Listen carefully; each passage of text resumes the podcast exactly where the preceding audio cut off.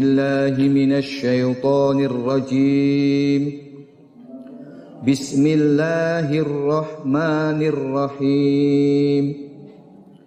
قل إن كانت لكم الدار الآخرة عند الله خالصة من دون الناس فتمنوا الموت إن كنتم صادقين.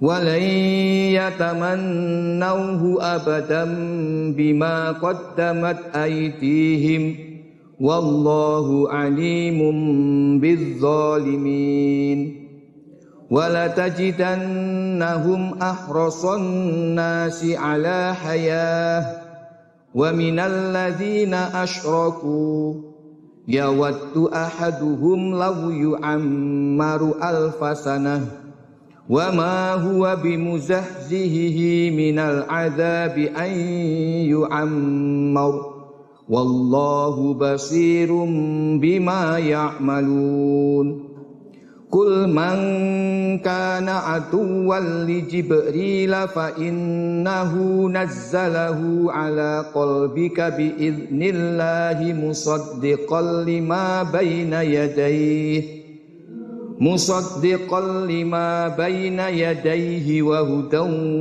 wa bushra lil mu'minin. Man kana atuwan lillahi wa malaikatihi wa rusulihi wa Jibril wa mikal fa innallaha atuwul lil kafirin. Walakad anzalna ilaika ayatim bayyinat. Wa ma yakfuru biha illal fasiqun. Awa kullama ahadu ahdan nabazahu fariqum minhum bal aktsaruhum la yu'minun. Walamma ja'ahum rasulun min indillahi musaddiqul lima ma'ahum. نبذ فريق من الذين أوتوا الكتاب كتاب الله وراء ظهورهم كأنهم لا يعلمون. واتبعوا ما تتلو الشياطين على ملك سليمان وما كفر سليمان ولكن الشياطين كفروا. yu'allimuna an-nasa sihra wa ma unzila 'alal malakaini bi babila haruta wa marut wa ma yu'allimani min ahadin hatta yaqula innama nahnu fitnatun fala takfur فيتعلمون منهما ما يفرقون به بين المرء وزوجه وما هم بضارين به من أحد إلا بإذن الله.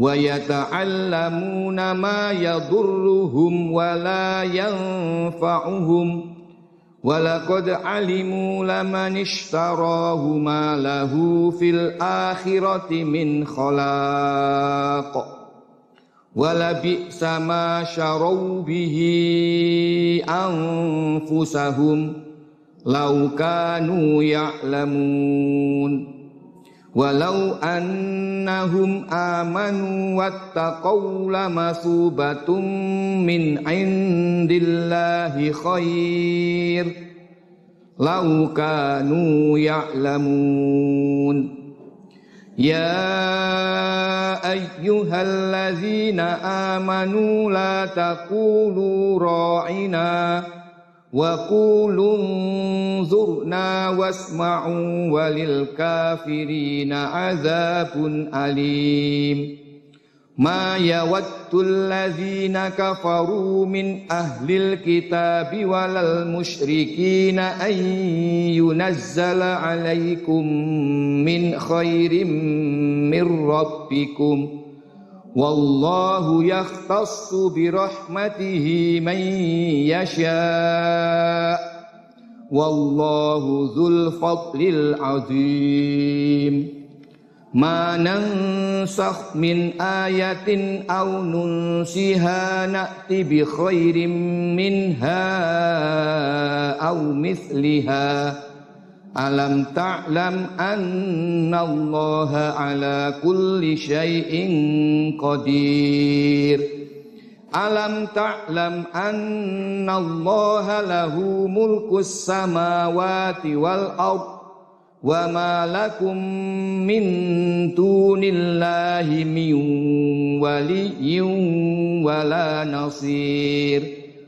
Am turiduna an tas'alu rasulakum kama su'ila Musa min qabl.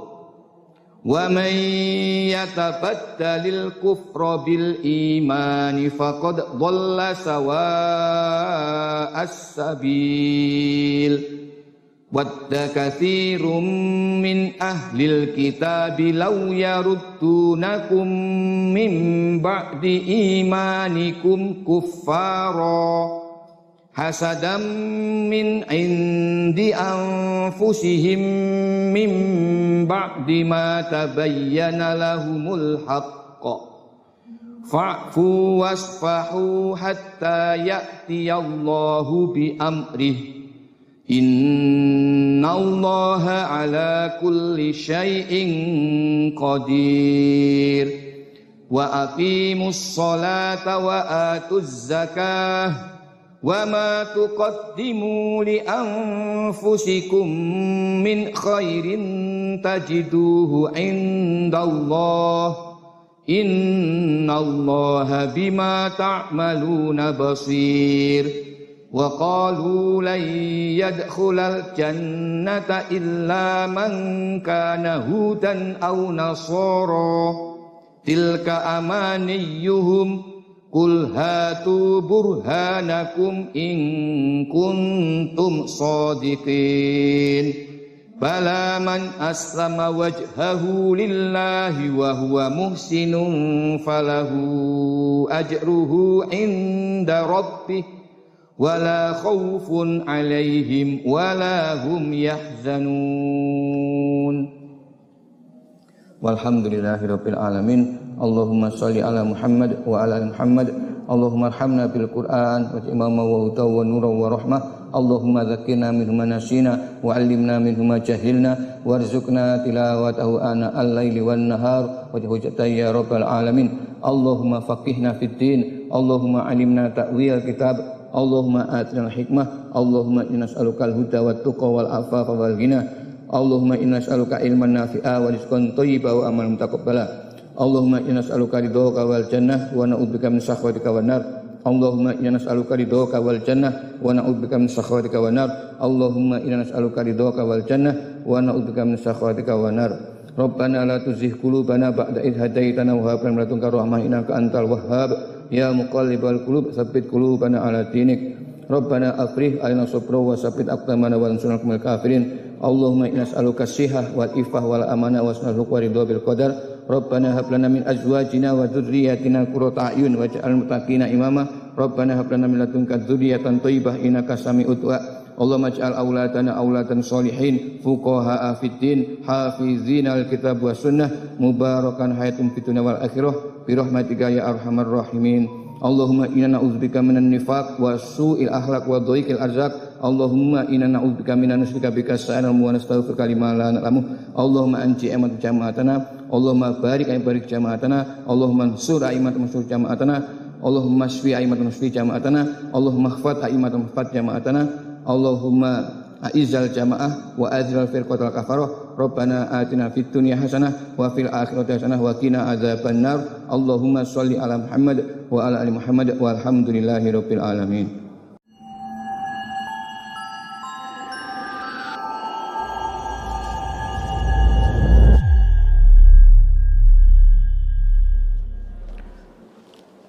A'udzu billahi minasyaitonir rajim. Bismillahirrahmanirrahim. Man barang siapa? Kul katakan Muhammad. Man barang siapa? Karena yang ada siapa? Man? Aduan musuh.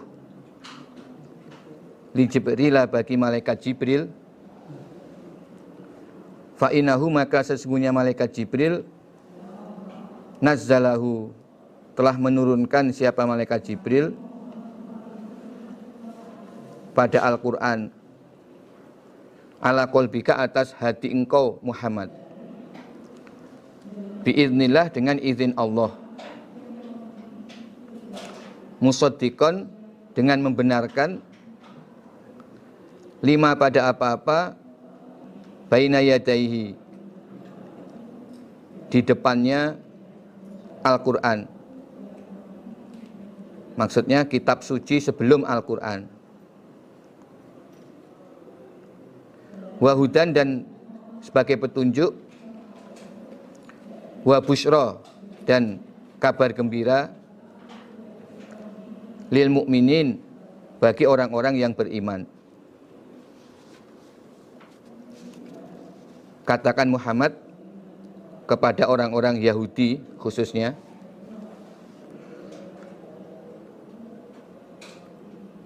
Barang siapa menjadi musuh bagi malaikat Jibril, maka malaikat Jibril juga menjadi musuhnya. Ini ada kalimat yang tersimpan. Barang siapa yang menjadi musuh bagi malaikat Jibril, maka malaikat Jibril juga memusuhinya.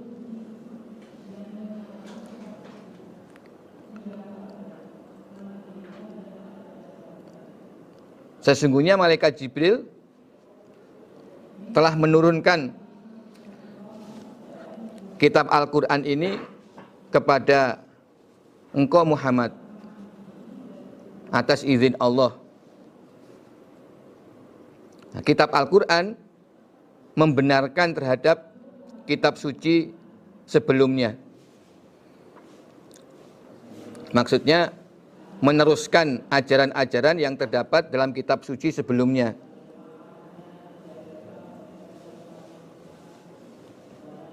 Karena pokok-pokok ajaran dalam kitab Al-Quran tidak berbeda. Hanya menyempurnakan syariat yang berlaku bagi umat pada zaman Nabi Muhammad sampai hari kiamat.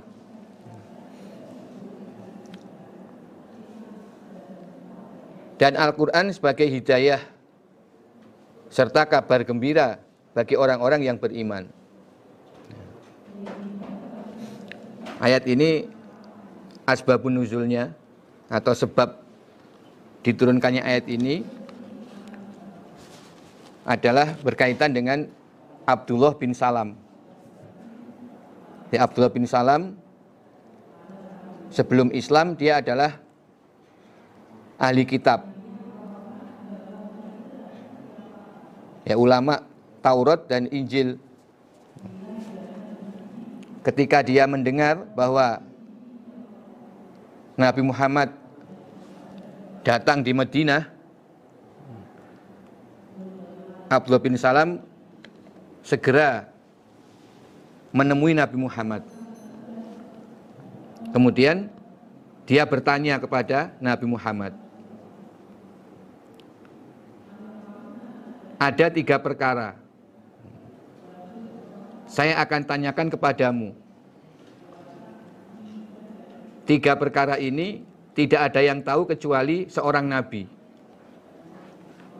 Pertama, apa tanda kiamat yang paling awal.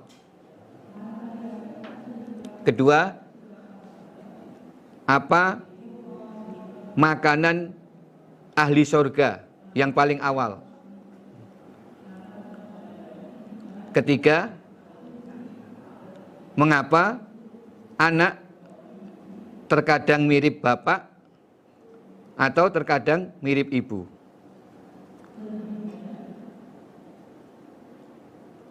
Kalau engkau bisa menjawab, berarti engkau seorang nabi. Sebab tidak tiga pertanyaan ini yang bisa menjawab hanyalah seorang nabi. Nah, kemudian Nabi Muhammad diam sesaat lalu beliau menjawab baru saja malaikat Jibril memberi kabar pada saya. Lalu Abdullah bin Salam bertanya, Malaikat Jibril, apakah Malaikat Jibril yang memberikan wahyu itu? Nabi menjawab, iya, Malaikat Jibril. Kemudian Abdullah bin Salam mengatakan, Zaka aduul Yahud minal malaikah malaikat Jibril itu adalah musuhnya orang Yahudi. Jadi kalau engkau menceritakan bahwa diberi wahyu oleh malaikat Jibril, ketahuilah bahwa malaikat Jibril itu musuhnya orang Yahudi. Nah, kemudian Nabi mendapatkan wahyu ini, ayat ini. Langsung Nabi diberi wahyu oleh Allah ayat ini, lalu Nabi bacakan kepada Abdullah bin Salam atau di hadapan Abdullah bin Salam. Kul mangkana aduwal li Jibril fa innahu nazzalahu ala qalbik bi idznillah musaddiqal lima baina yadayhi wa huda wa busra lil mu'minin dan seterusnya. Barang siapa yang memusuhi malaikat Jibril, berarti malaikat Jibril akan menjadi musuhnya. Nah, itu orang-orang Yahudi. Memang malaikat Jibril lah yang menurunkan wahyu di dalam hatimu Muhammad, yaitu kitab Al-Quran, yang membenarkan kitab suci sebelumnya, kitab Taurat dan kitab Injil. Nah kemudian baru Nabi melanjutkan untuk menjawab tiga pertanyaan dari Abdullah bin Salam. Yang pertama, tanda kiamat yang paling awal adalah api yang akan menggiring manusia dari arah timur ke arah barat. Yang kedua, makanan yang paling awal dimakan oleh ahli surga adalah tambahan hatinya ikan hut atau daging lebih yang ada dalam hati ikan. Ikan hut. Yang ketiga ketika sperma laki-laki mendahului sperma perempuan, maka anak akan mirip laki-laki, mirip bapaknya. Jadi kalau sperma bapak mendahului sperma ibu, maka anak akan mirip bapak. Sebaliknya kalau sperma ibu yang lebih dulu atau lebih dominan, maka anak akan mirip ibu. Itulah jawaban yang Nabi berikan. Setelah itu, Abdullah bin Salam kemudian membaca syahadat. Ashadu alla ilaha illallah wa ashadu annaka Rasulullah. Jadi langsung Abdullah bin Salam masuk Islam pada saat itu juga setelah Nabi Muhammad bisa memberikan tiga jawaban atas pertanyaannya. Kemudian Abdul bin Salam berkata, Ya Rasulullah, orang-orang Yahudi itu bingung. Dan kalau mereka mengetahui saya masuk Islam, ya mereka akan terkejut. Jadi coba engkau tanya kepada orang Yahudi tapi engkau tidak usah memberitahu bahwa saya sudah masuk Islam. Kemudian tidak lama ada orang Yahudi datang.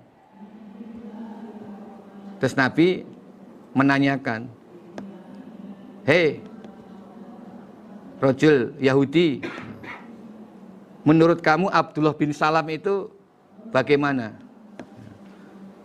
Siapa dia?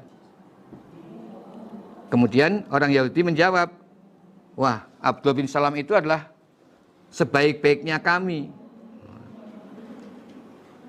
orang yang alim, dia ulama kami dan putra dari ulama kami.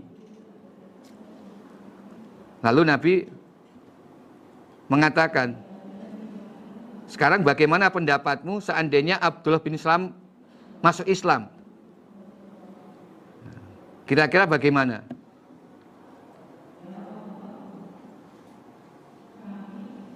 katamu Abdullah bin Salam itu ulamamu. Dia juga keturunan dari ulamamu. Nah sekarang andaikan dia masuk Islam, apakah kamu juga akan mengikutinya? Atau mungkinkah dia masuk Islam? Nah, kemudian orang Yahudi mengatakan, nah, semoga Allah melindungi kepada Abdullah bin Salam, jangan sampai dia masuk Islam. Atau ya kami mohon perlindungan kepada Allah. Jangan sampai Abdullah bin Salam masuk Islam. Nah, baru kemudian Abdullah bin Salam keluar menampakkan diri dan di hadapan orang Yahudi itu Abdullah bin Salam kembali membaca syahadat. Asyhadu alla ilaha illallah wa anna Muhammadar Rasulullah. Lalu saat itu juga orang-orang Yahudi mengatakan engkau sejelek-jeleknya kami. Engkau anak dari sejelek-jeleknya orang di antara kami. Eh ternyata Yahudi itu langsung berubah. Awalnya mereka memuji Abdullah bin Salam, namun ketika mengetahui Abdullah bin Salam masuk Islam, langsung mereka mengatakan Abdullah bin Salam itu orang yang paling jelek di antara mereka. Yaitu asbabun nuzul ayat ini diterangkan dalam hadis Bukhari. Diriwayatkan Bukhari. Sahih hadisnya. Man barang siapa karena yang ada siapa orang aduan menjadi musuh lillah bagi Allah wa malaikati dan bagi malaikat-malaikat Allah wa rusulihi dan bagi para utusan Allah wa Jibril dan pada malaikat Jibril wa Mikail dan pada malaikat Mikail fa innallaha maka sesungguhnya Allah aduun musuh lil kafirin bagi orang-orang kafir. Barang siapa memusuhi Allah dan malaikat para rasul malaikat Jibril dan malaikat Mikail maka Allah memusuhi orang-orang kafir ya. Kalimat ini maksudnya ya, barang siapa memusuhi Allah malaikat para rasul malaikat Jibril dan malaikat Mikail berarti orang itu musuhnya Allah. Dan berarti orang itu kafir. Ya inilah termasuk salah satu mukjizatnya Al-Quran. Di dalam Allah berfirman itu menggunakan kalimat yang singkat tetapi bisa mengandung arti yang banyak. Dicukup Allah berfirman fa innallah aduun lil kafirin. Artinya mereka itu adalah musuhnya Allah dan mereka itu berarti hukumnya kafir.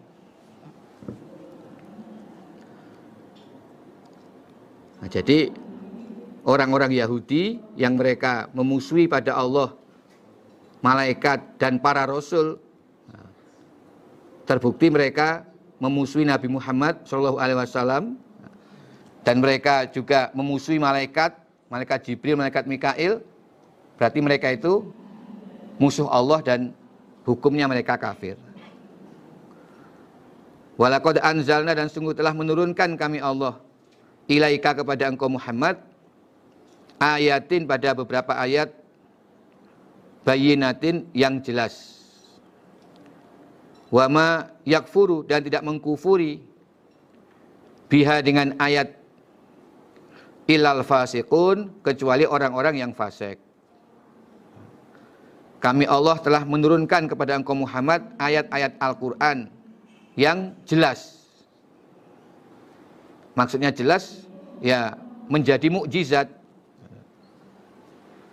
Pasti terbukti kebenarannya, tidak ada satu ayat pun yang tidak terbukti. Dan Al-Quran ini merupakan mukjizat. Tidak ada seseorang pun yang bisa membuat satu surat saja dari Al-Quran. Itu termasuk mukjizatnya Al-Quran. Walaupun orang Quraisy banyak yang ahli syair, tapi mereka tidak mampu membuat syairan walau hanya satu surat yang mirip dengan Al-Quran. maka yang kufur terhadap Al-Quran itu hukumnya fasik. Awakul lama adakah ketika ahadu telah berjanji mereka? Ahdan pada suatu janji nabadahu maka membuang hu pada janji. Siapa farikun segolongan minhum dari mereka orang Yahudi. Bal bahkan aktaruhum kebanyakan mereka. La yu'minuna tidak beriman mereka.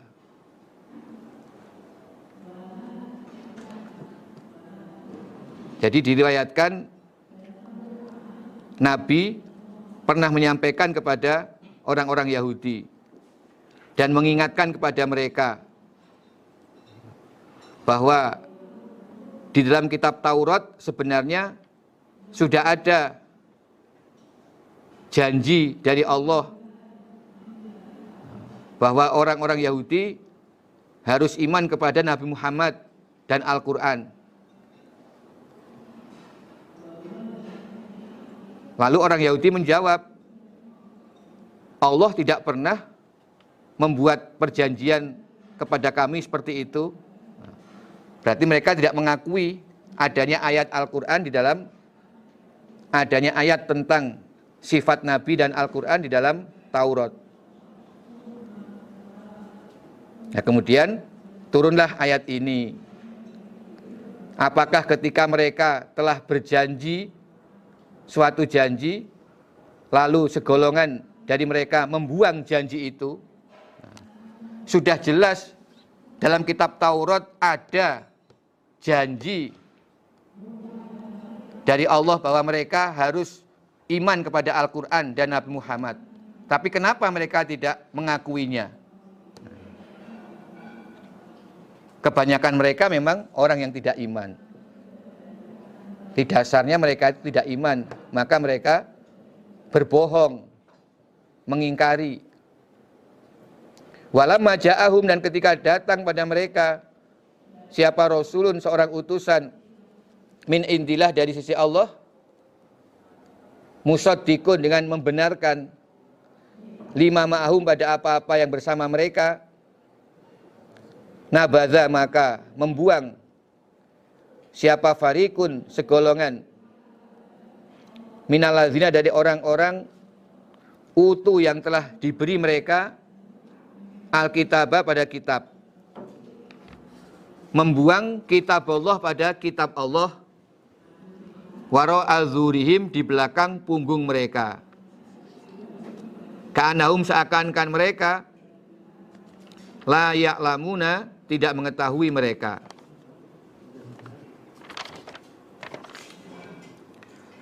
Ketika seorang rasul dari Allah yang membenarkan kitab suci yang ada pada mereka datang kepada mereka maksudnya orang-orang Bani Israel atau Yahudi maka ada segolongan orang yang telah diberi kitab suci sebelum Al-Quran yaitu Yahudi dan Nasrani ya. Farikun minalladzina utul kitab segolongan orang yang telah diberi kitab suci sebelum Al-Quran, yaitu Yahudi Nasrani, mereka membuang pada kitab Allah.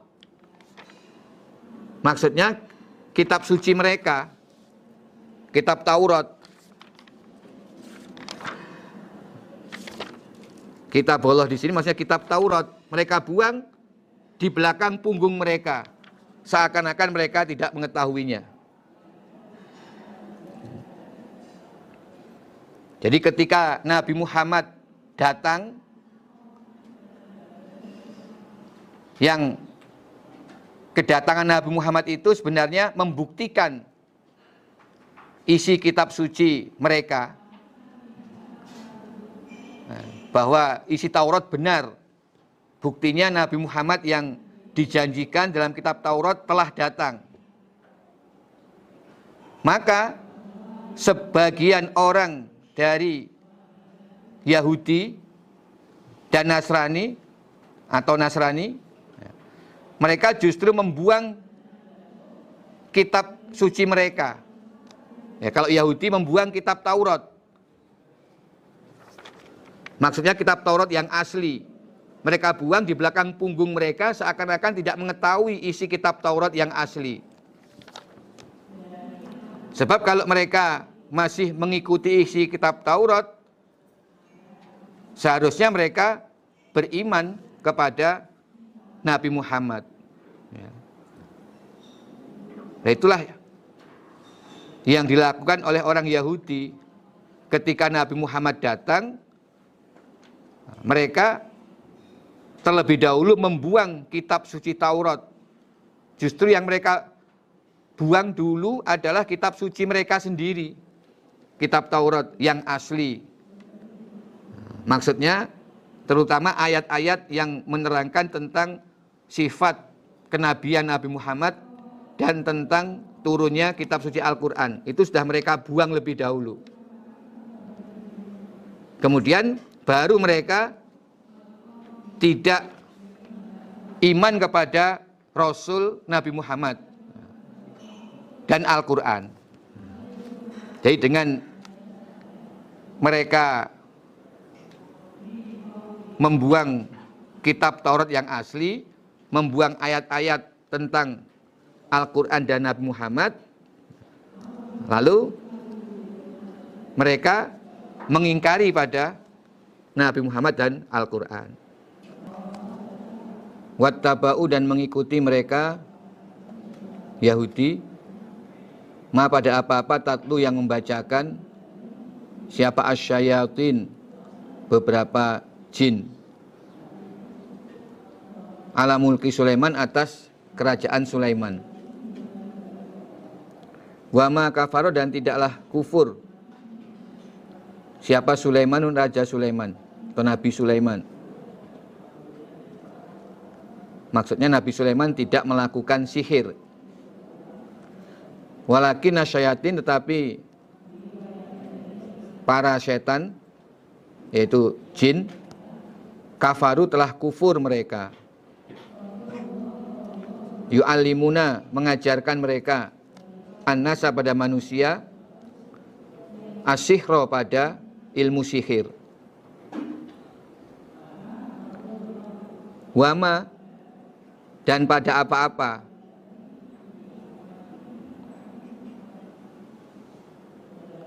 Dan mereka mengajarkan pada apa-apa unzila yang diturunkan apa ma.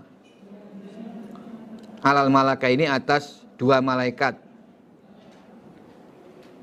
bibabila di tanah Babil. Yaitu Haruta malaikat Harut wa Marut dan malaikat Marut.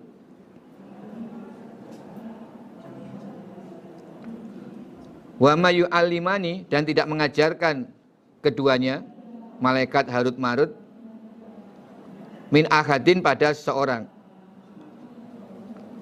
hatta yakula sehingga mengatakan keduanya malaikat Harut Marut inama nahnu sesungguhnya kami fitnatun fitnah.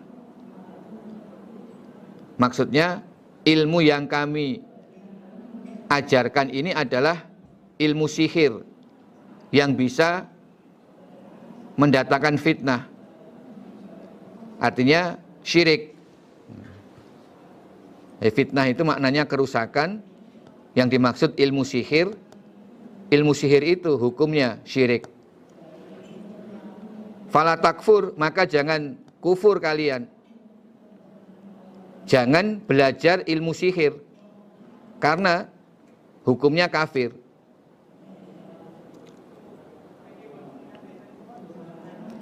Fayata'alamuna maka belajar mereka Bani Israel minhuma dari keduanya Harut Marut. Ma pada apa-apa yufarikuna yang memisahkan mereka Bani Israel bihi dengan ma ya ilmu. Bainal mar'i di antara seseorang wa zauji dan istrinya Wa mahum dan tidak ada mereka. Bidorina membahayakan. Bihi dengan ma. Maksudnya ilmu sihir. Min akadin pada seseorang. Ila kecuali biiznillah dengan izin Allah. Wa yata'alamuna dan belajar mereka mereka Yahudi atau para jin, setan-setan itu dan tukang-tukang sihir belajar mayaduruhum pada apa-apa yang mendatangkan bahaya atau madorot bagi mereka. Ilmu sihir itu mendatangkan madorot. Walayan fauhum dan tidak memberi manfaat apa ma pada mereka ilmu sihir itu tidak manfaat. Walakad alimu dan suku telah tahu mereka Yahudi lama nishtarohu nisaya orang yang menukarkan pada ma atau ilmu sihir malahu maka tidak ada bagi orang fil akhirah di dalam akhirat min kholak bagian. Walabi sama syarobihi niscaya sejelek-jeleknya apa-apa yang menukarkan mereka bihi dengan ma. Anfusahum pada diri mereka. Laukanu seandainya ada mereka yaklamuna mengetahui mereka dan orang-orang Yahudi mengikuti ilmu sihir yang dibacakan oleh jin-jin.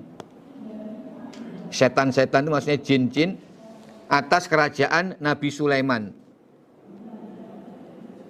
Jadi yang dimaksud Yahudi di sini ya Bani Israel di zaman Nabi Sulaiman, sejak zaman Nabi Sulaiman dan seterusnya termasuk Yahudi di zaman Nabi. Banyak yang mereka belajar ilmu sihir dan menggunakan sihir. Berarti mereka itu telah mengikuti ilmu sihir yang diajarkan oleh jin atas kerajaan Nabi Sulaiman. Wa maka Sulaiman sebenarnya Nabi Sulaiman tidak kafir. Maksudnya yang mengajarkan ilmu sihir itu bukanlah Nabi Sulaiman. Tetapi itu jin yang membuat ilmu tersebut. Kemudian jin menyampaikan ilmu itu dengan cara menulis menulis ilmu sihir Lalu tulisan itu oleh jin diletakkan di bawah kursi singgasananya Nabi Sulaiman. Nah, ketika Nabi Sulaiman sudah wafat, tulisan itu dikeluarkan dari bawah kursi singgasananya Nabi Sulaiman. Sehingga orang-orang mengira ilmu itu adalah ilmu yang diajarkan Nabi Sulaiman. Padahal itu ilmu sihir.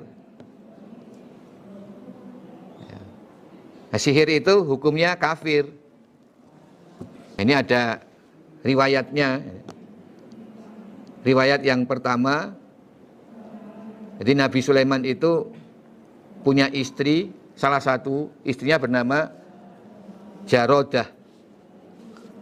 Setiap Nabi Sulaiman masuk ke WC menitipkan cincinnya kepada istrinya ini, Jarodah.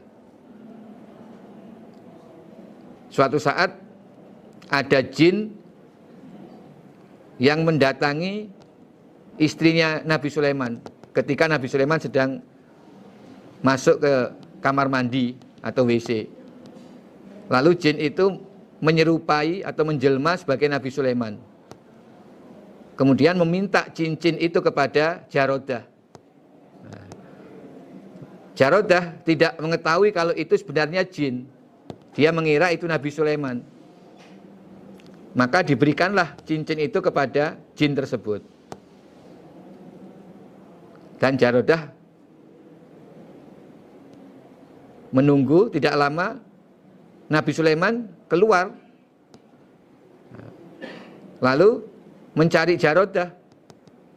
Setelah ketemu Nabi Sulaiman meminta cincinnya. Tapi saat itu Jarodah tidak mengenal Nabi Sulaiman. Sehingga tidak merasa kalau itu adalah suaminya Nabi Sulaiman dia mengira Nabi Sulaiman itu adalah jin yang tadi mengambil cincin darinya. Sehingga dia tidak memberikan cincin itu karena sudah diambil oleh jin. Akhirnya Nabi Sulaiman merasa bahwa itu merupakan cobaan dari Allah. Sehingga sampai Nabi Sulaiman tidak bisa duduk lagi di tahta kerajaannya karena sudah diduduki oleh jin yang menyerupai Nabi Sulaiman.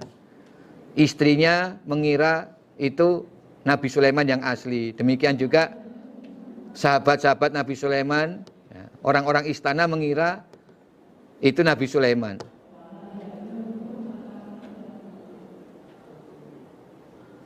Nah, selama jin tersebut menduduki istana Nabi Sulaiman, jin sengaja menulis ilmu sihir. Nah, kemudian diletakkan di bawah kursi singgasana Nabi Sulaiman.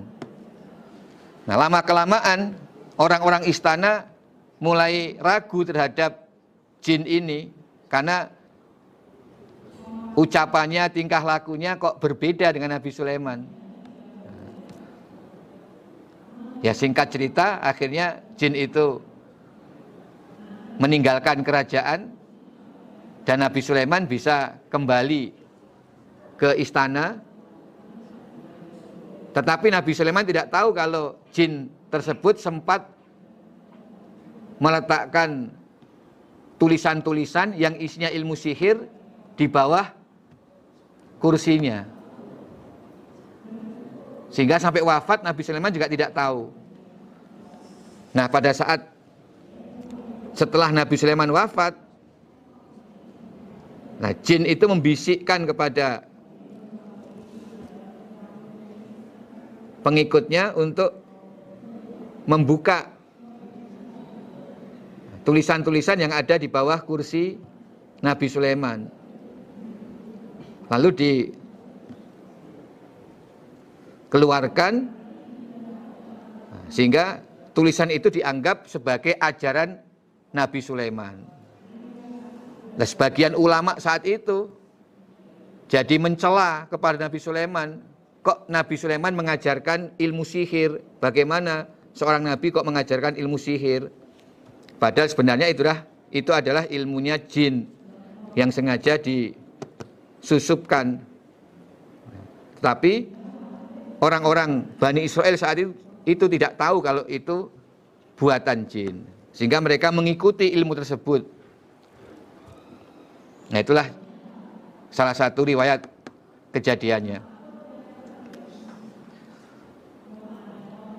Sehingga mereka mengajarkan ilmu syirik itu kepada manusia.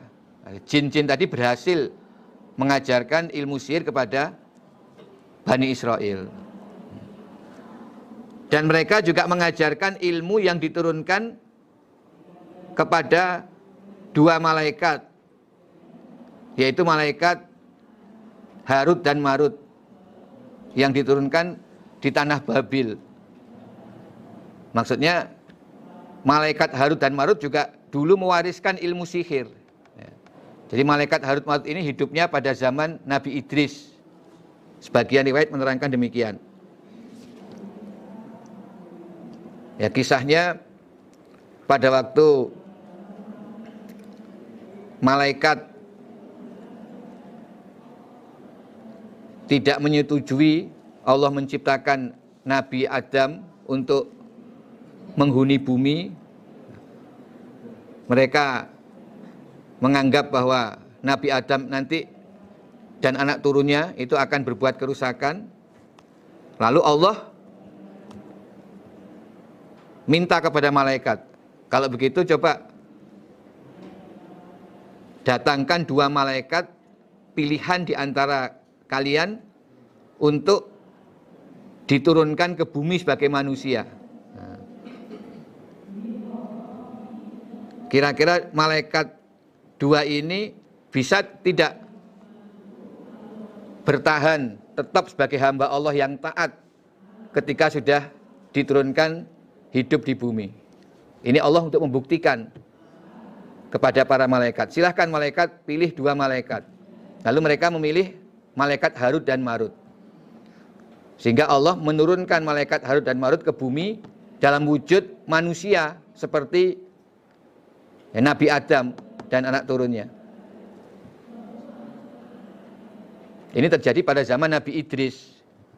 Jadi setelah ada bukti anak Adam ada yang membunuh, maka Allah juga ingin membuktikan. Coba kalau malaikat diturunkan ke bumi, apakah tetap bisa bertahan sebagai hamba yang taat?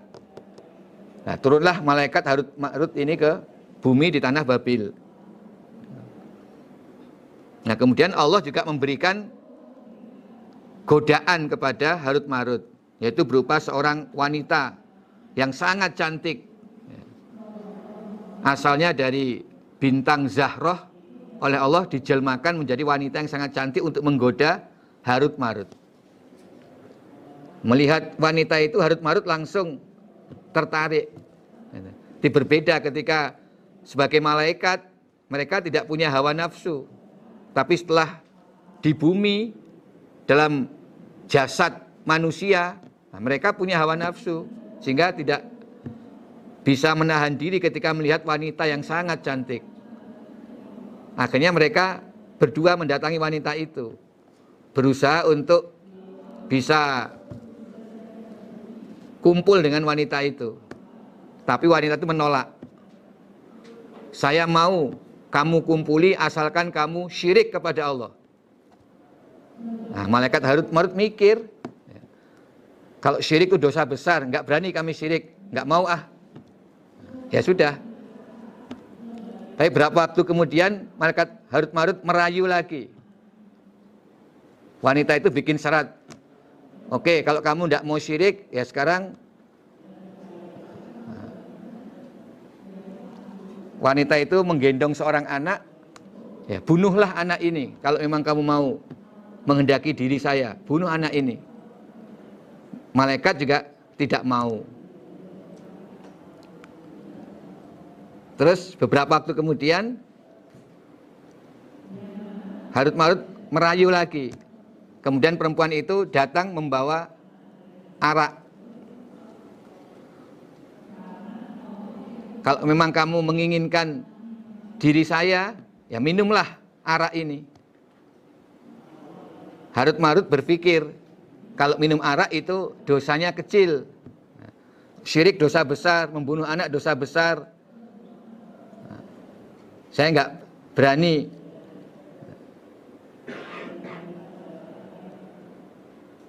Kemudian mereka minum arak tersebut. Akhirnya mereka mabuk. Ya. Lalu anak kecil yang digendong wanita itu mereka bunuh dan mereka justru berbuat zina juga dengan perempuan itu. Akhirnya mereka gagal menahan diri.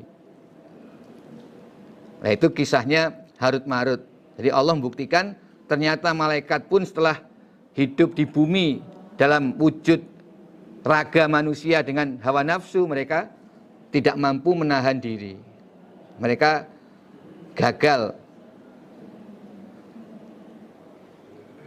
Nah, ketika Harut Marut tinggal di bumi, Harut Marut ini sempat mengajarkan ilmu sihir. Tetapi ya, Harut Marut tidak mengajarkan ilmu sihir kecuali setelah keduanya menyampaikan inama nahnu fitnatun falak takfur. Kalau kamu mau belajar ilmu sihir, ketahuilah ini ilmu syirik ini. Jadi kalau kamu belajar sihir, kamu jatuh dalam kemusyrikan, kekal di neraka. Maka jangan belajar ilmu sihir, karena hukumnya syirik. Fala takfur. Jadi jangan belajar karena hukumnya syirik. Tetapi kalau orang tersebut tetap memaksa kepada Harut Marut untuk mengajarkan ilmu sihir itu, maka Harut Marut akhirnya mengajarkan juga. Sehingga orang-orang tetap belajar ilmu sihir dari Harut Marut. Jadi orang-orang yang tetap ingin belajar sihir, mereka masih bisa belajar karena Harut Marut tetap melayani kepada orang yang masih ingin belajar.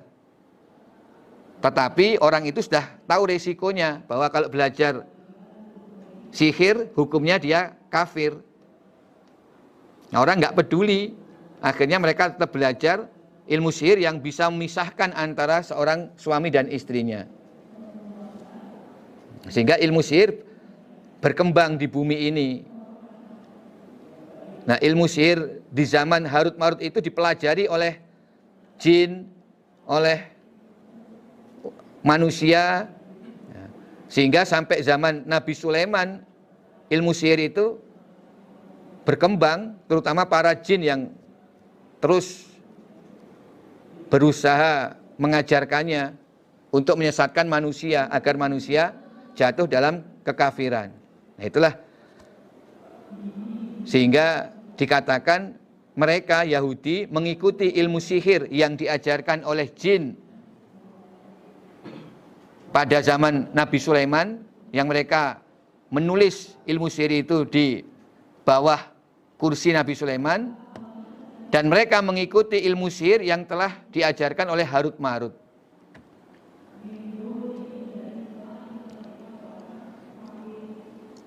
Wa mahum bidori nabihi min ahadin ila biiznillah. Mereka para tukang sihir itu sebenarnya tidak bisa membahayakan seseorang dengan ilmu sihirnya kecuali atas izin Allah. Jadi kalau toh dengan ilmu sihirnya mereka itu berhasil membahayakan seseorang itu semata-mata atas izin Allah, bukan karena ilmu sihirnya. Jadi sebenarnya percuma mereka itu belajar ilmu sihir.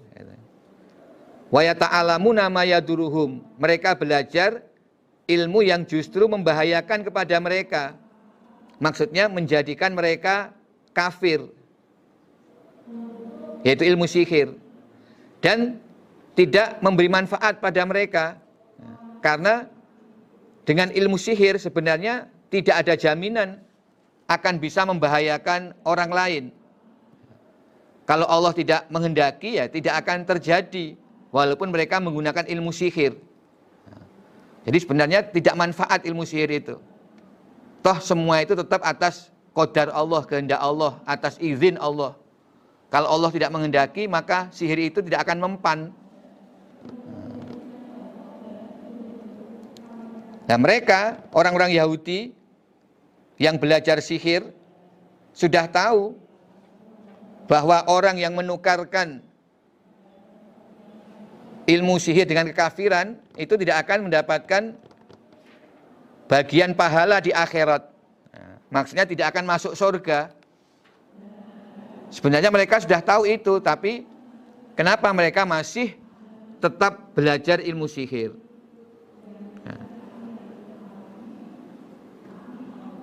Jadi orang yang tetap belajar ilmu sihir itu berarti menukarkan keimanan dengan kekufuran. Nah, di akhiratnya tidak akan bisa masuk surga. Nah, itu ah sejelek-jeleknya sesuatu yang mereka tukarkan untuk diri mereka. Walabi sama syarobihi anfusahum.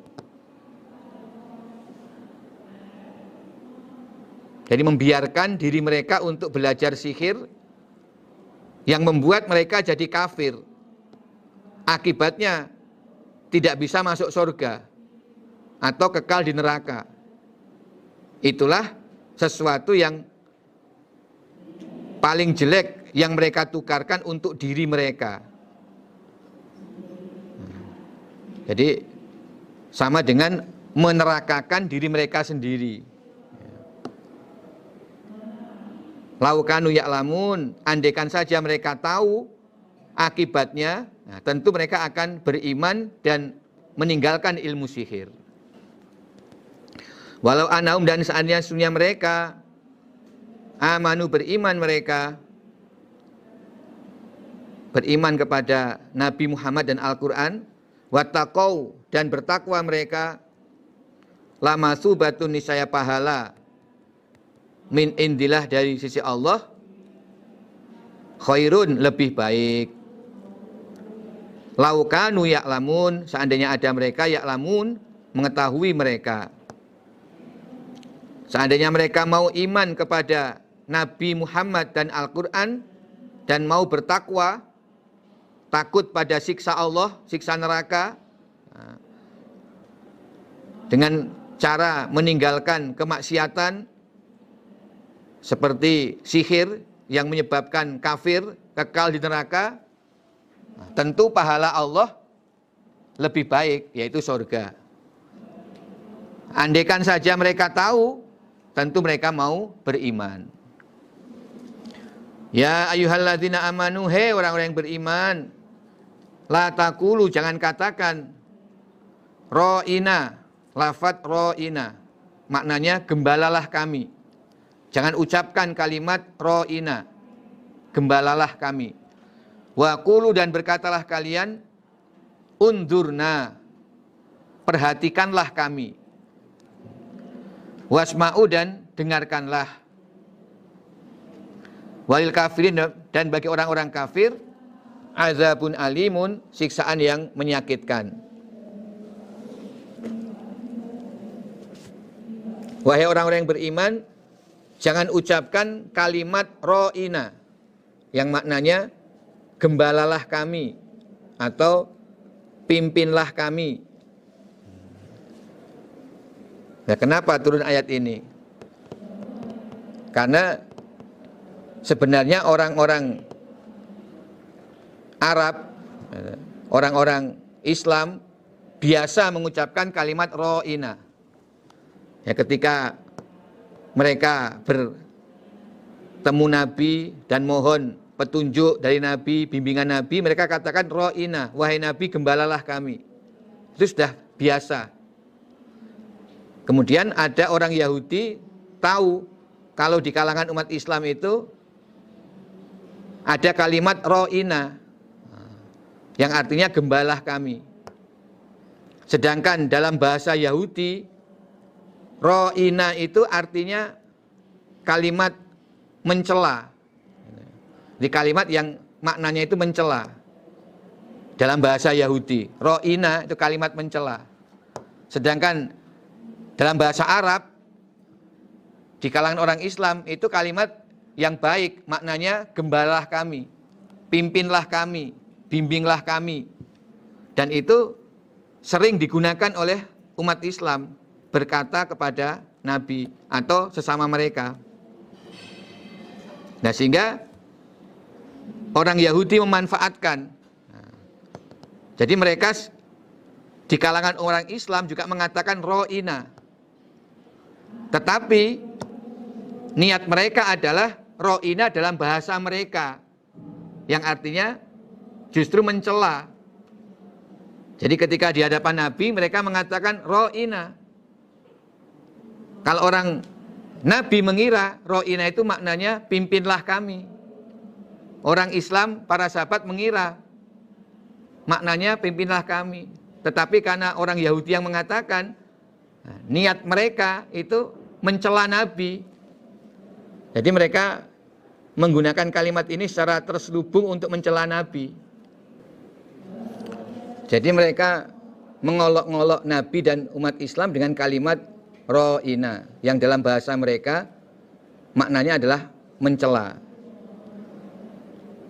Nah kemudian ada seorang sahabat yang mengerti bahasa Yahudi lalu memberitahu kepada Nabi Nabi kalimat ro'ina dalam bahasa Yahudi itu artinya mencela Lalu Allah menurunkan ayat ini. Wahai orang-orang iman, kamu jangan mengatakan kalimat ro'ina. Karena dalam bahasa Yahudi artinya itu mencela, kata-kata celaan. Tapi wakulun zurna, katakanlah unzurna sebagai ganti ro'ina. Perhatikanlah kami maknanya wasma'u dan mendengarkanlah. Mendengarkanlah ini ya, perintah Allah kepada orang-orang iman. Jadi wakulun zurna. Itu kalimat pengganti ro'ina.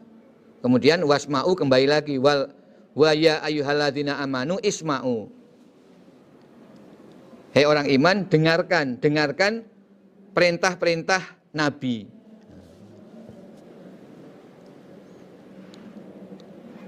Nah, begitulah orang Yahudi selalu berusaha untuk mencari celah bagaimana bisa mencela Nabi. Ya, mereka memanfaatkan kalimat ro'ina. Tapi Allah tahu sehingga Allah melarang kepada orang iman untuk mengucapkan kalimat ro'ina. Dan Allah merintahkan kepada mereka untuk mengatakan unzurna. Mayawaddu tidak senang. Siapa aladina kafaru orang-orang kafir? Min ahli kitab dari ahli kitab. Yahudi Nasrani. Wala juga tidak al musyrikin orang-orang musyrik. Ayunazzala bahwasanya diturunkan. Alaikum atas kamu sekalian. Apa min khairin? Kebaikan. Mirrabbikum dari Tuhan kamu sekalian. Orang-orang kafir dari kalangan ahli kitab Yahudi Nasrani dan orang musyrik tidak senang apabila Al-Quran diturunkan atas kamu sekalian umat Islam. Jadi akhairin itu maksudnya Al-Quran. Wallah adapun Allah yahtasu mengkhususkan siapa Allah? Birahmatihi pada rahmat Allah. Man kepada orang yasya'u yang menghendaki siapa Allah? Allah mengkhususkan rahmatnya kasih sayangnya kepada orang yang Allah kehendaki. Nah, dalam ayat ini yang dimaksud rahmat Allah adalah Al-Quran Allah mengkhususkan rahmat Allah dalam bentuk Al-Quran Allah berikan kepada orang yang Allah kehendaki yaitu Nabi Muhammad yang menerima wahyu Al-Quran. Walaupun orang kafir dari kalangan ahli kitab dan orang musyrik tidak senang tapi Allah tetap memilih memberikan rahmatnya kepada hamba Allah yang Allah kehendaki dan itu Allah khususkan. Wallah adapun Allah Zulfadli zat yang punya keutamaan Al-Azim yang besar.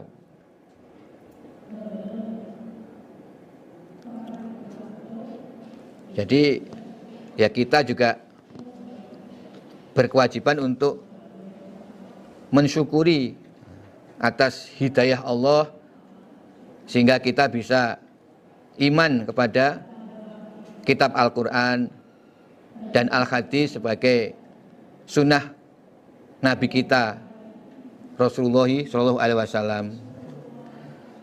Karena berarti kita termasuk hamba Allah yang dikehendaki oleh Allah untuk mendapatkan rahmat Allah kasih sayang Allah. Dan itu dikhususkan.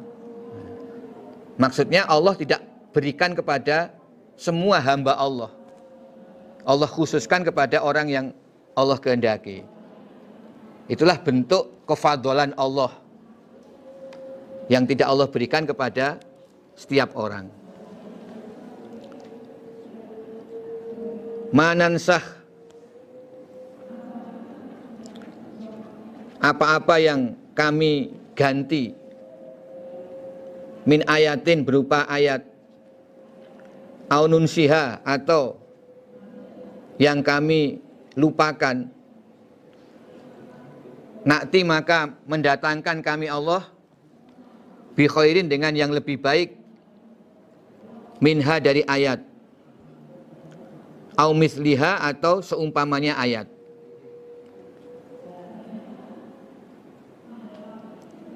di ayat-ayat yang kami ganti maksudnya kami mansuh kami ganti maka akan kami ganti dengan yang lebih baik. Atau ayat yang kami lupakan akan kami ganti dengan yang semisal Jadi ayat yang kami ganti akan kami ganti dengan yang lebih baik. Ayat yang kami lupakan akan kami ganti dengan ayat yang semisal. Jadi berdasarkan ayat ini berarti di dalam kitab Al-Quran ini terdapat nasih mansuh. Sebagian ayat ada yang Allah ganti. Nah, gantinya itu pasti lebih baik. Sebagian ayat ada yang sengaja memang Allah buat Nabi Muhammad itu lupa. Sehingga Nabi Muhammad tidak pernah lagi membacakan ayat tersebut. karena lupa. Nah, kalau ada sebagian ayat yang memang Allah buat Nabi Muhammad itu lupa terhadap ayat itu, maka akan Allah ganti dengan yang semisal.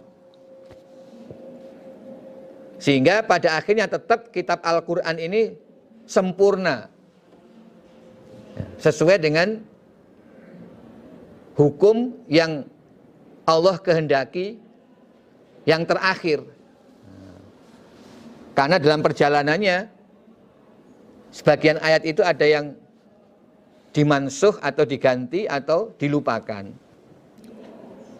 Nah mansuh ini ada dua macam. Ada yang dimansuh hukumnya tetapi bacaan ayatnya tetap ada hukumnya mansuh, tidak berlaku. Namun bacaan ayat itu tetap dibaca dalam Al-Quran. Sampai sekarang masih kita baca ayatnya, tapi hukumnya tidak berlaku. Nah, ini contohnya adalah ya ayat-ayat yang nanti akan diterangkan. Ini ayat mansuh, tidak berlaku lagi hukumnya. Nanti akan kita jumpai banyak ayat-ayat yang hukumnya mansuh dalam Al-Quran, namun bacaannya masih ada. Ya contohnya, idfa bilati hiya ahsan. Balaslah Muhammad dengan yang lebih baik. Ini pada waktu masih di Mekah, turunnya ketika Nabi masih di Mekah. Nabi diperintah untuk membalas perilaku orang-orang kafir Quraisy dengan perbuatan yang lebih baik. Nah setelah Nabi hijrah ke Madinah, kemudian Nabi mendapat ayat untuk memerangi pada orang-orang kafir Quraisy membalas penganiayaan yang pernah mereka lakukan. Jadi banyak ayat-ayat safe, ayat-ayat yang memerintahkan Nabi untuk memerangi orang kafir Quraisy. Sehingga ayat yang awal idfa bilati ya ahsan dalam kaitan peperangan itu mansuh diganti hukumnya. Ketika sudah turun ayat perintah memerangi kafir Quraisy berarti tidak berlaku lagi untuk berbuat baik pada kafir Quraisy. Harus Nabi memerangi pada kafir Quraisy. Itu salah satu contoh. Berikutnya ada ayat yang dimansuh bacaannya, tetapi hukumnya tetap ada. Jadi bacaannya sudah tidak kita baca lagi dalam ayat Al-Quran, kita cari, tidak kita temukan ayatnya, tetapi hukumnya tetap berlaku. Itu contohnya ayat ranjam. Jadi itu hanya mansuh bacaannya saja. Ayat ranjam. Sebenarnya ada dalam Al-Quran. Maka Khalifah Umar mengatakan, barang siapa mengatakan hukum ranjam tidak ada dalam Al-Quran berarti dusta. Berarti dia tidak tahu. Karena di zaman Nabi hidup pernah ada ayat tentang ranjam.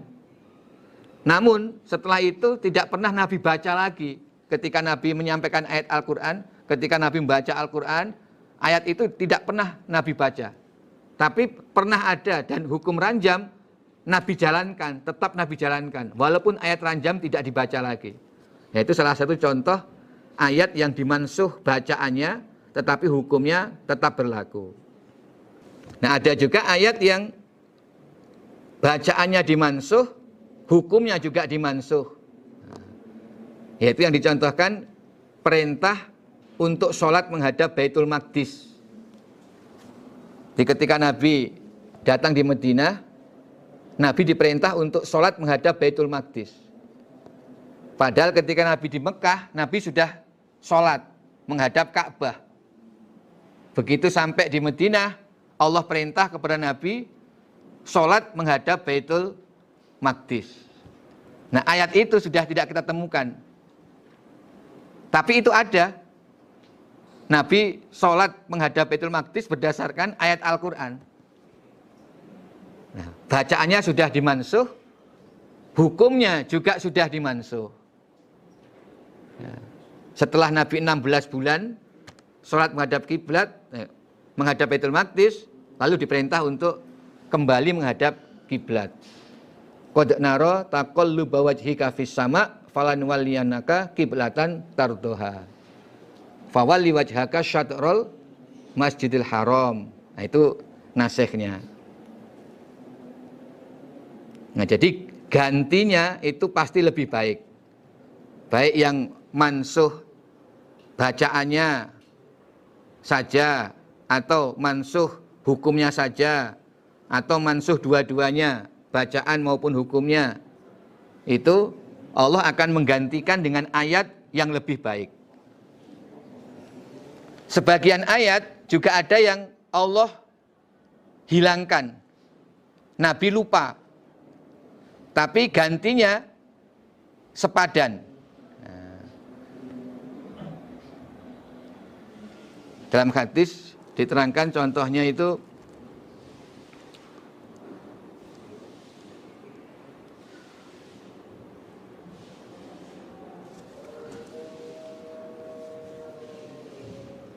hadis yang berbunyi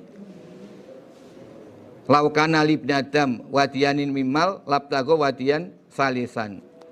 Wala yamla'u jaufa bna Adam ilat turab. Seandainya anak Adam itu punya dua jurang harta, akan mencari jurang yang ketiga. Dan tidak memenuhi perut anak Adam kecuali aturob, tanah. Jadi anak Adam itu baru akan puas setelah mati. Itu ada dalam hadis. Lah dulu ada ayat yang seperti itu, tapi kemudian diganti dengan firman Allah, Alhaakumut takasur hatta zurtumul makobir. Itu contoh dari aunun siha nakti misliha mislihainya itu ayat alha kumut takasur hatta zurtumul makobir. Itu sebagai ganti yang sepadan. Sebelumnya ada ayat ya seperti yang disebutkan dalam hadis tadi. Alam ta'lam adakah tidak tahu engkau Muhammad annallaha sesungguhnya Allah ala kulli syai atas segala sesuatu qadirun maha kuasa. Alam ta'lam adakah tidak tahu engkau Muhammad Annallaha sesungguhnya Allah lahu bagi Allah mulkus samawat kerajaan beberapa langit wal ardi dan bumi apa engkau tidak tahu Muhammad bahwa Allah merajai langit dan bumi wa malakum dan tidak ada bagi kalian min dunilah dari selain Allah min waliyin kekasih Wala juga tidak ada nasirin penolong. Amturi duna, adakah menghendaki kamu sekalian? Antas alu minta, meminta Rasulakum pada utusan kamu sekalian.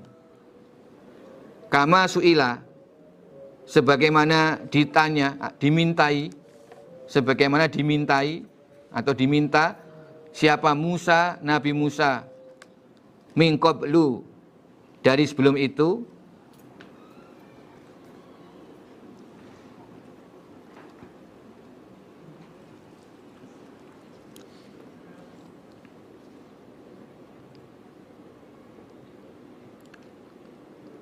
Apakah kamu menghendaki mengajukan permintaan kepada Rasul?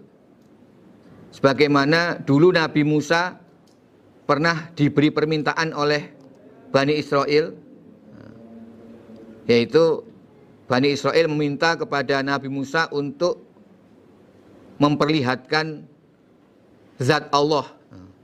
Arinallaha jahroh di antaranya itu wahai Nabi Musa perlihatkan Allah kepada kami dengan terang-terangan kami ingin melihat langsung wajah Allah. Bani Israel pernah minta demikian.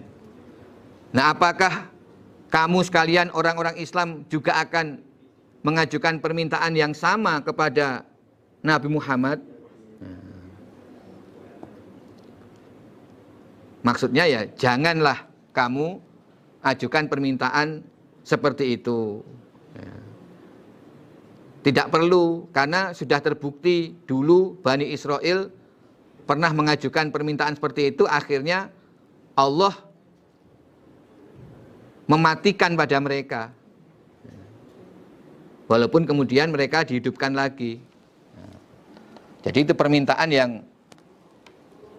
sudah tidak perlu lagi disampaikan kepada Nabi Muhammad. Itu permintaan yang menunjukkan kekufuran, ketidakpercayaan.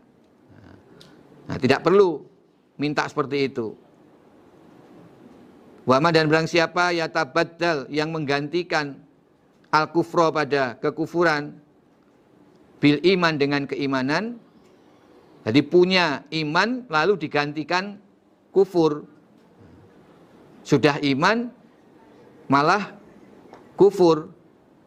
Ya contohnya sudah iman lalu masih minta kepada nabinya untuk memperlihatkan zat Allah. Nah, itu berarti kufur.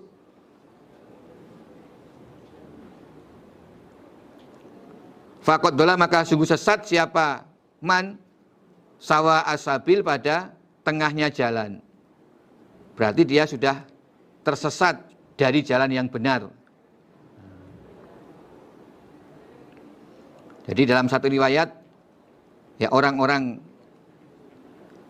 kafir Quraisy ya, dulu waktu masih di Mekah itu pernah minta kepada Nabi Muhammad agar Nabi Muhammad menjadikan Bukit Sofa itu gunung emas. Ini contoh permintaan orang-orang kafir di zaman Nabi, orang-orang Quraisy, minta agar Nabi Muhammad menjadikan Bukit Sofa sebagai gunung emas untuk membuktikan kalau Nabi benar-benar sebagai Rasul.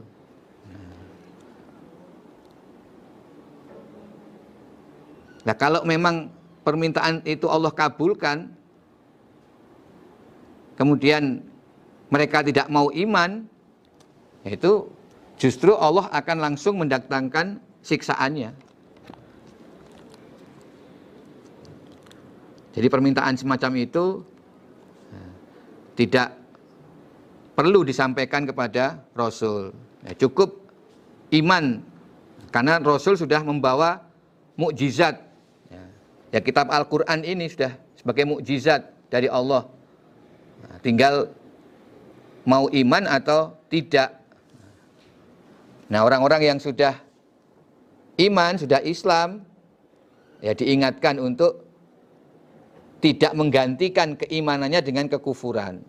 Jangan sampai di tengah-tengah perjalanan imannya lalu timbul keraguan-raguan.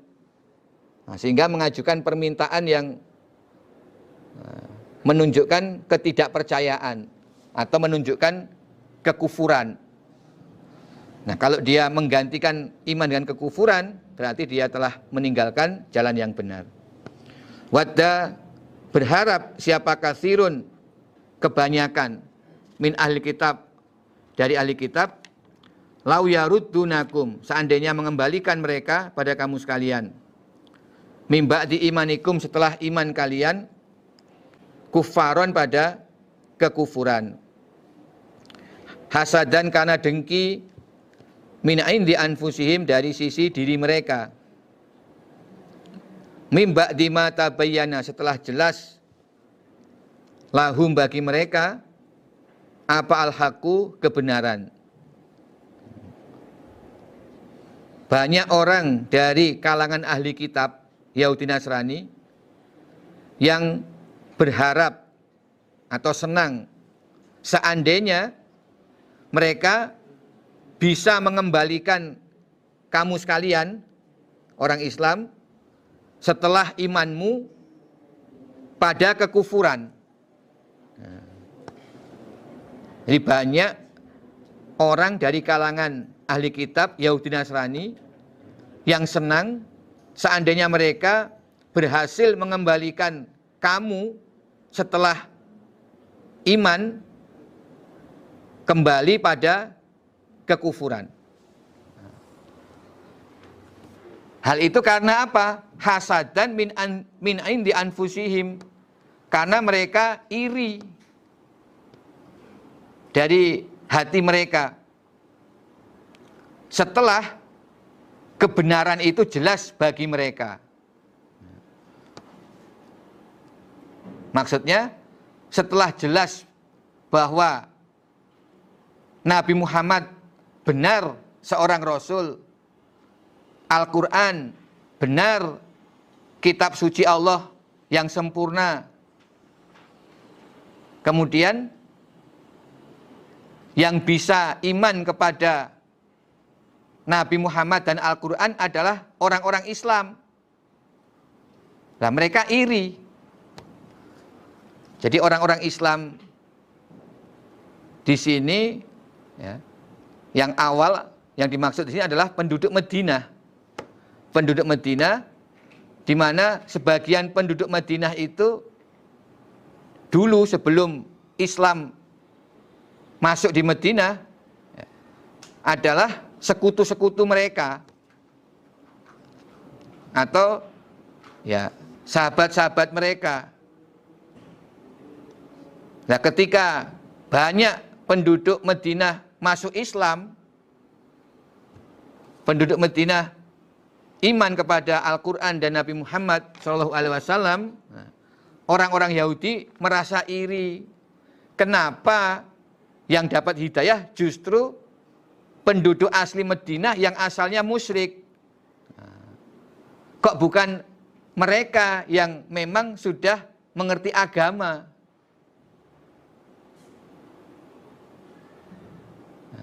Nah mereka sendiri tidak mau masuk Islam.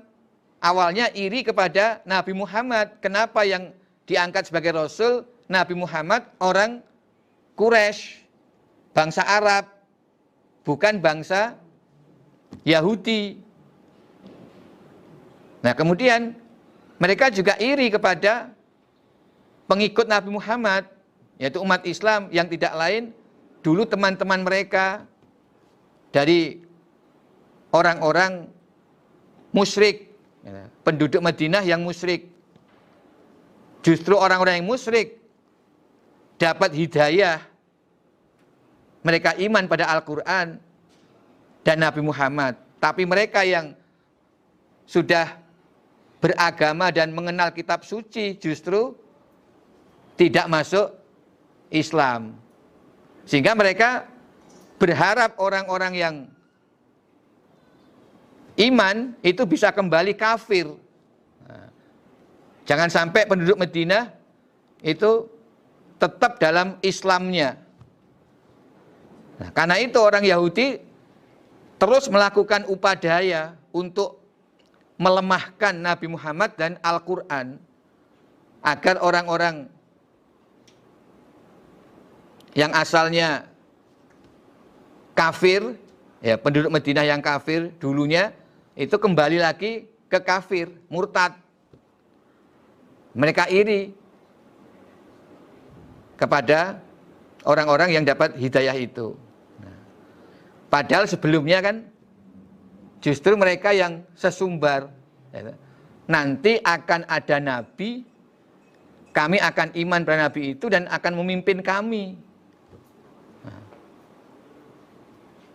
tapi nyat, Kenyataannya setelah Nabi itu datang, justru mereka yang kufur, yang iman adalah penduduk Madinah. Nah, itu mereka iri. Jadi ayat sebelumnya kan diceritakan bahwa orang-orang Yahudi ini ya, sebelum Nabi Muhammad datang, mereka itu mengatakan kepada penduduk Madinah, nanti akan ada nabi terakhir yang memimpin kami untuk mengalahkan kamu, wahai orang-orang musyrik.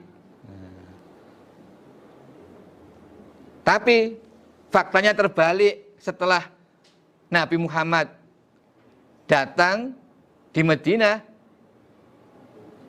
yang masuk Islam justru orang kafir, penduduk Madinah asli, orang Yahudi sendiri malah tidak malah menentang kepada nabi itu. Padahal awalnya yang mengenalkan akan adanya nabi terakhir itu justru orang Yahudi.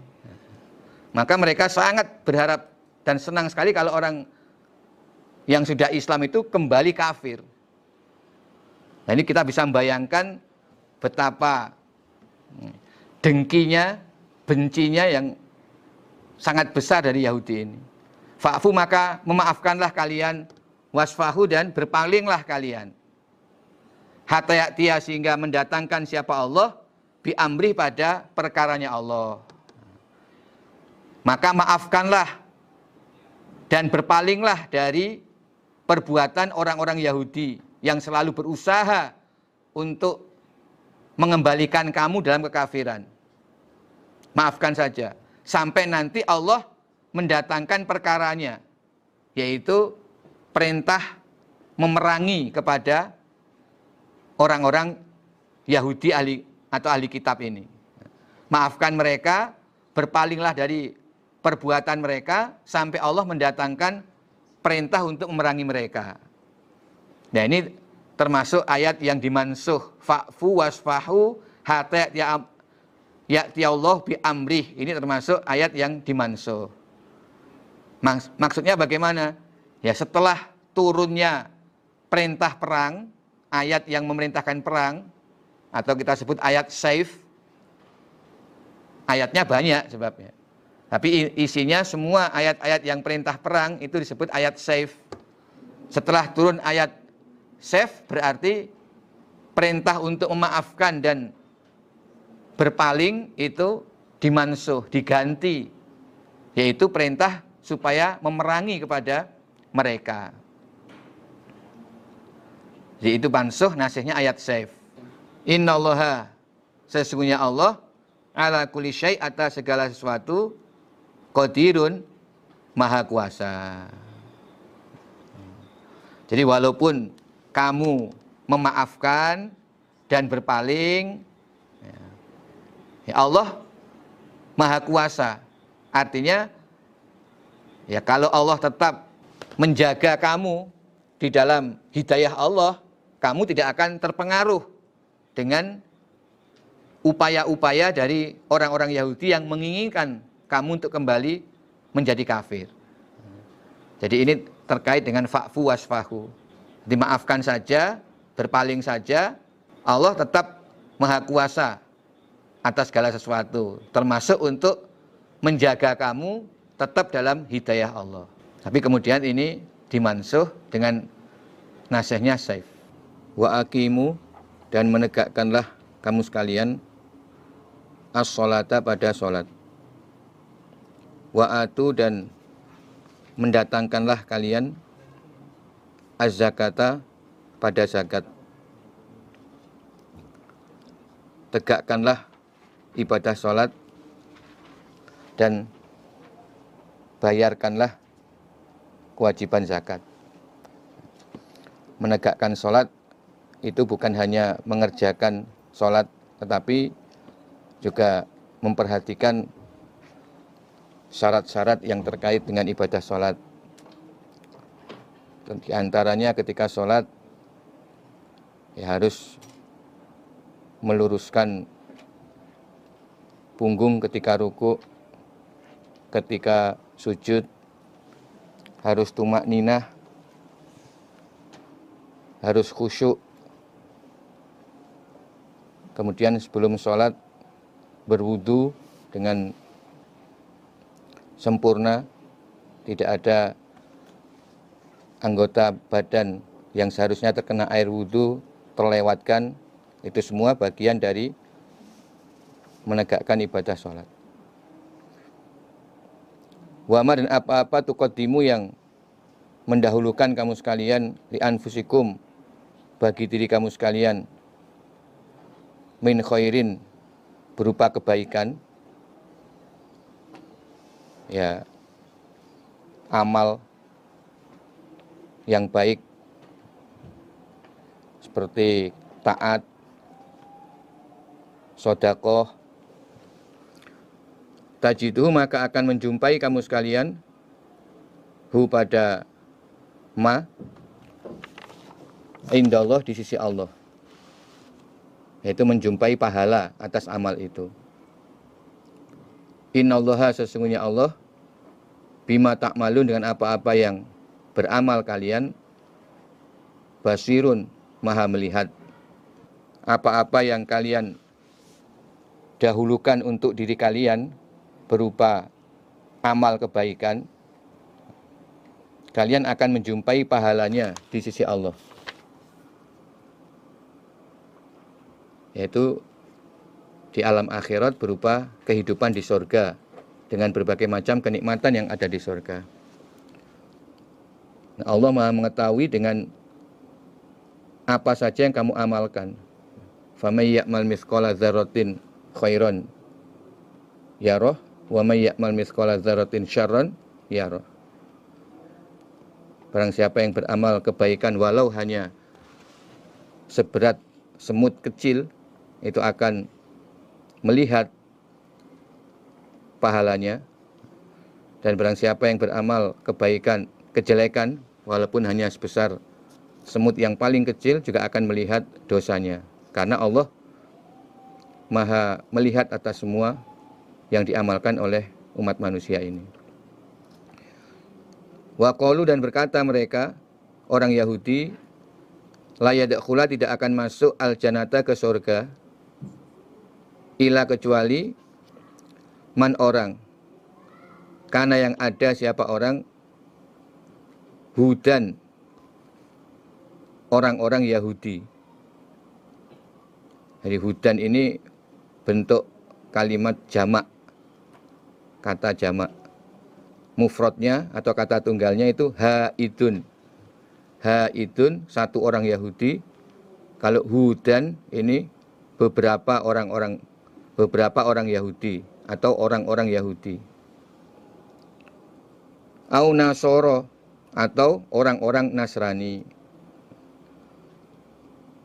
Di orang Yahudi mengatakan tidak akan masuk surga kecuali Yahudi. Layat khulal jannah illa mangkana hudan. Demikian juga orang Nasrani mengatakan layat khulal jannata illa nasoro tidak akan masuk surga kecuali orang Nasrani. Tilka demikian itu ucapan ucapan Yahudi ataupun Nasrani adalah amani yuhum angan-angan mereka. Ucapan itu hanya berdasarkan angan-angan menuruti hawa nafsu, tidak berdasarkan dalil. Jadi angan-angan itu maksudnya tidak berdasarkan dalil. Kul katakan Muhammad, Hatu datangkanlah burhanakum dalil kamu sekalian atau hujah kamu sekalian. In kuntum jika ada kamu sekalian, sodikin orang-orang yang benar. Kalau memang yang akan masuk surga orang Yahudi umat lain tidak akan masuk surga, datangkan dalilnya. Demikian juga kalau memang yang masuk surga hanya orang Nasrani, umat beragama lain tidak akan masuk surga, datangkan dalilnya. Tentu mereka tidak akan bisa menunjukkan dalilnya. Kalau mereka menunjukkan kitab Taurat atau Injil, Ya, di dalam kitab suci tersebut sudah disebutkan tentang kenabian Nabi Muhammad serta umat Islam yang harus beriman kepada Nabi Muhammad. Maka bala, iya, iya, ada umat agama lain yang masuk surga. Tidak seperti kata Yahudi atau Nasrani. Ada umat lain masuk surga. Bukan mereka. Siapa? Yaitu man barang siapa aslama yang menyerahkan siapa man wajahu pada wajahnya. Lillahi bagi Allah. Wahua dan dia orang. Muhsinun berbuat baik. Falahu maka bagiman ajruhu pahalanya man indarobi di sisi Tuhannya orang. Wala khaufun dan tidak ada rasa khawatir alaihim atas mereka orang-orang. Walahum dan tidak ada mereka. Yahzanuna susah mereka. Barang siapa menyerahkan wajahnya kepada Allah maksudnya beribadah dengan mukhlis niat karena Allah wahwa muhsinun dan dia berbuat baik maksudnya beramal sesuai dengan syariat mengamalkan syariat yang telah Allah perintahkan yaitu dengan mengikuti tuntunan Rasulullah Shallallahu Alaihi Wasallam. Sebagaimana yang sudah disebutkan dalam kitab Al-Quran. Maka bagi orang tersebut pahala di sisi Allah, yaitu pahala di surga. Dan pada hari kiamat, dia tidak akan merasakan khawatir dan tidak akan merasakan susah. Jadi untuk membantah klaim dari umat Yahudi dan Nasrani, Allah menegaskan bahwa yang akan masuk surga adalah orang yang memang pasrah kepada Allah. Beribadah mukhlis mengharapkan wajah Allah, ridho Allah. Jadi dia menyerahkan wajahnya karena Allah. Jadi hanya mengharapkan pahala dari Allah, ridho Allah.